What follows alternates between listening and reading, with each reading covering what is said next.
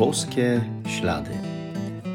To jest podcast o poszukiwaniu znaków obecności Boga w naszym życiu, o słuchaniu Jego słowa i o trosce o własne zbawienie. Zapraszam.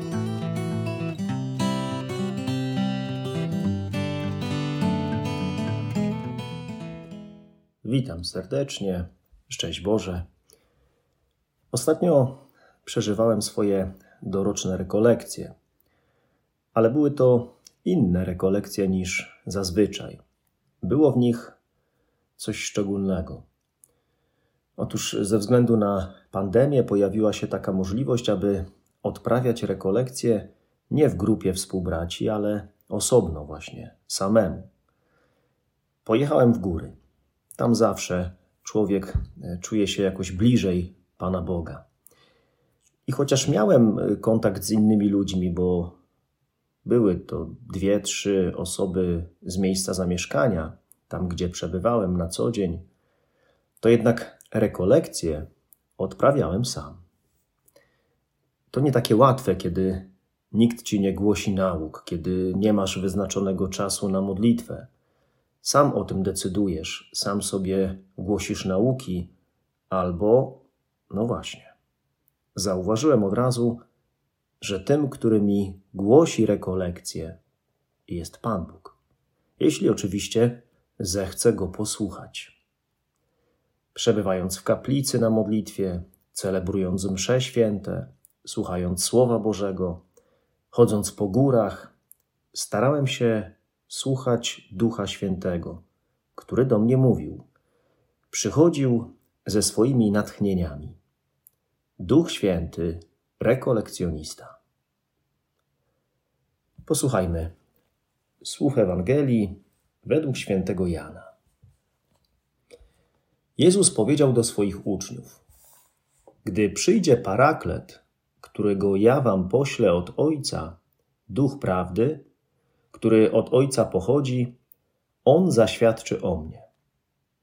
Ale wy też świadczycie, bo jesteście ze mną od początku.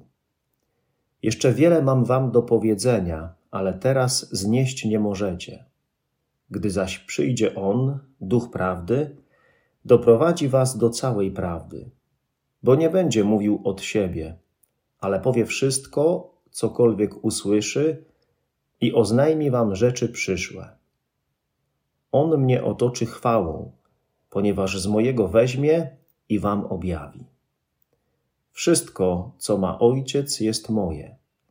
Dlatego powiedziałem, że z mojego weźmie i wam objawi. Pismo Święte mówi o Duchu Świętym, którego nazywa parakletem. Co to za nazwa, imię?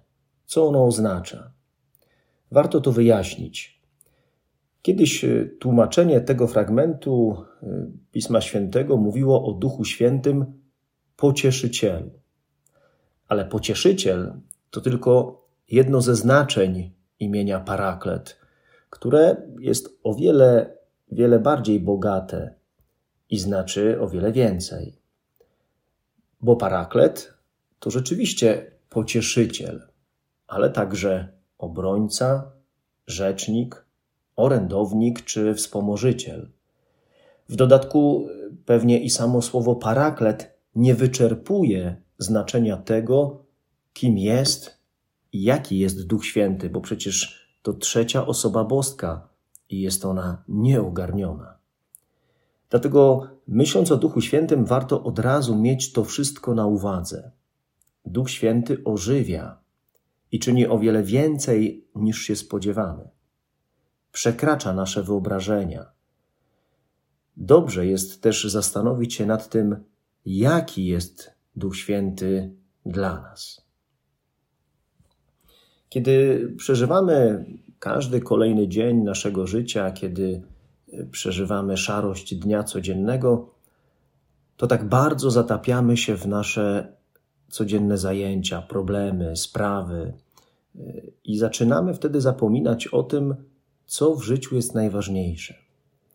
O Bogu, który jest obecny, który nas kocha i działa dla naszego dobra, o tym, że mamy go na wyciągnięcie ręki, że Jezus się nam zostawił w sakramentach, że jesteśmy zaopiekowani przez Pana Boga, że Boża opatrzność nas prowadzi.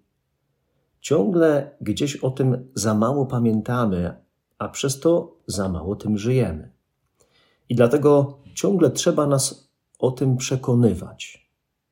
To właśnie Duch Święty nas o tym wszystkim przekonuje. To jest chyba to szczególne w dzisiejszych czasach, tak nam bardzo potrzebne działanie Ducha Świętego. Przypominanie nam i przekonywanie nas. Duch Święty przekonuje nas o grzechu, tak. O tym, że go popełniamy, że go mamy, ale przekonuje nas także o miłości Boga do każdego z nas, o tym, że Pan Bóg jest miłosierny i że jest gotowy nam zawsze wybaczyć, jeśli żałujemy. Duch Święty także wskazuje nam na Jezusa i na Jego dzieło zbawienia nas. On to dzieło aktualizuje dziś. To wszystko aktualizuje, co Jezus dla nas zrobił i robi. Duch Święty pomaga nam usłyszeć i zrozumieć Słowo Boże. Dzięki niemu sakramenty działają, są spotkaniem z żywym Bogiem.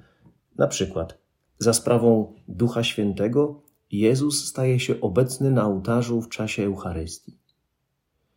To Duch Święty, to On nieustannie nas prowadzi i jeśli chcemy Go usłyszeć, to podpowiada nam to, co i jak robić w konkretnych życiowych sytuacjach. Nie tylko wobec Boga, ale także wobec ludzi. Jak się wobec nich zachowywać, jakie przyjąć postawy. Można śmiało powiedzieć, że na przykład to dzięki Duchowi Świętemu, który mnie skłania do miłości drugiego człowieka, potrafię na przykład dostrzec potrzeby innych. A jeśli tak się dzieje, no to obecność i działanie Ducha Świętego są dla nas nieocenione i naprawdę warto często go słuchać.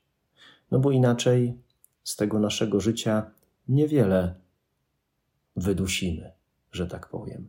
Będzie ono tylko takim zwykłym, a może nawet bezdusznym egzystowaniem.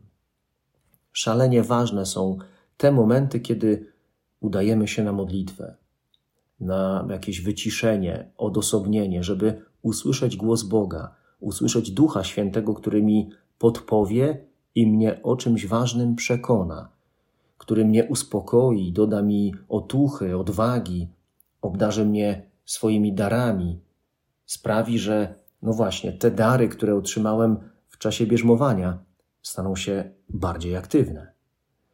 I dlatego naprawdę kluczowe jest słuchanie Ducha Świętego, ciągłe słuchanie Ducha Świętego.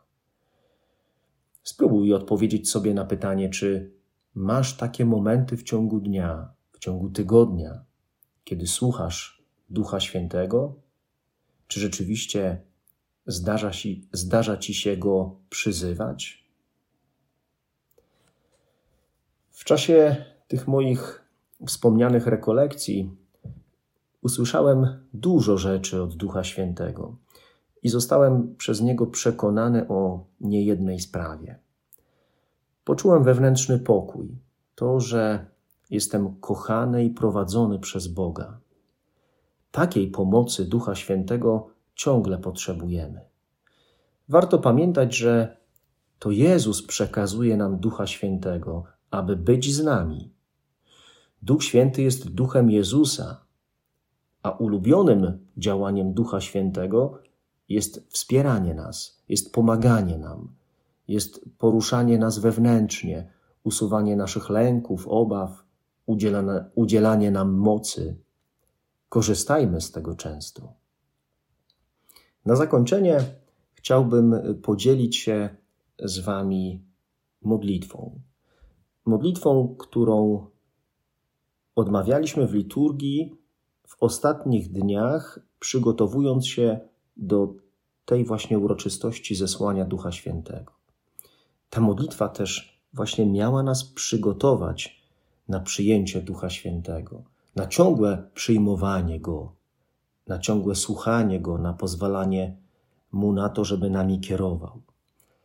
Zwróćcie uwagę na to, jak z jednej strony prosta jest ta modlitwa, ale jakże głęboka i oddająca sens tego, co potrzeba, aby działo się między nami a Duchem Świętym.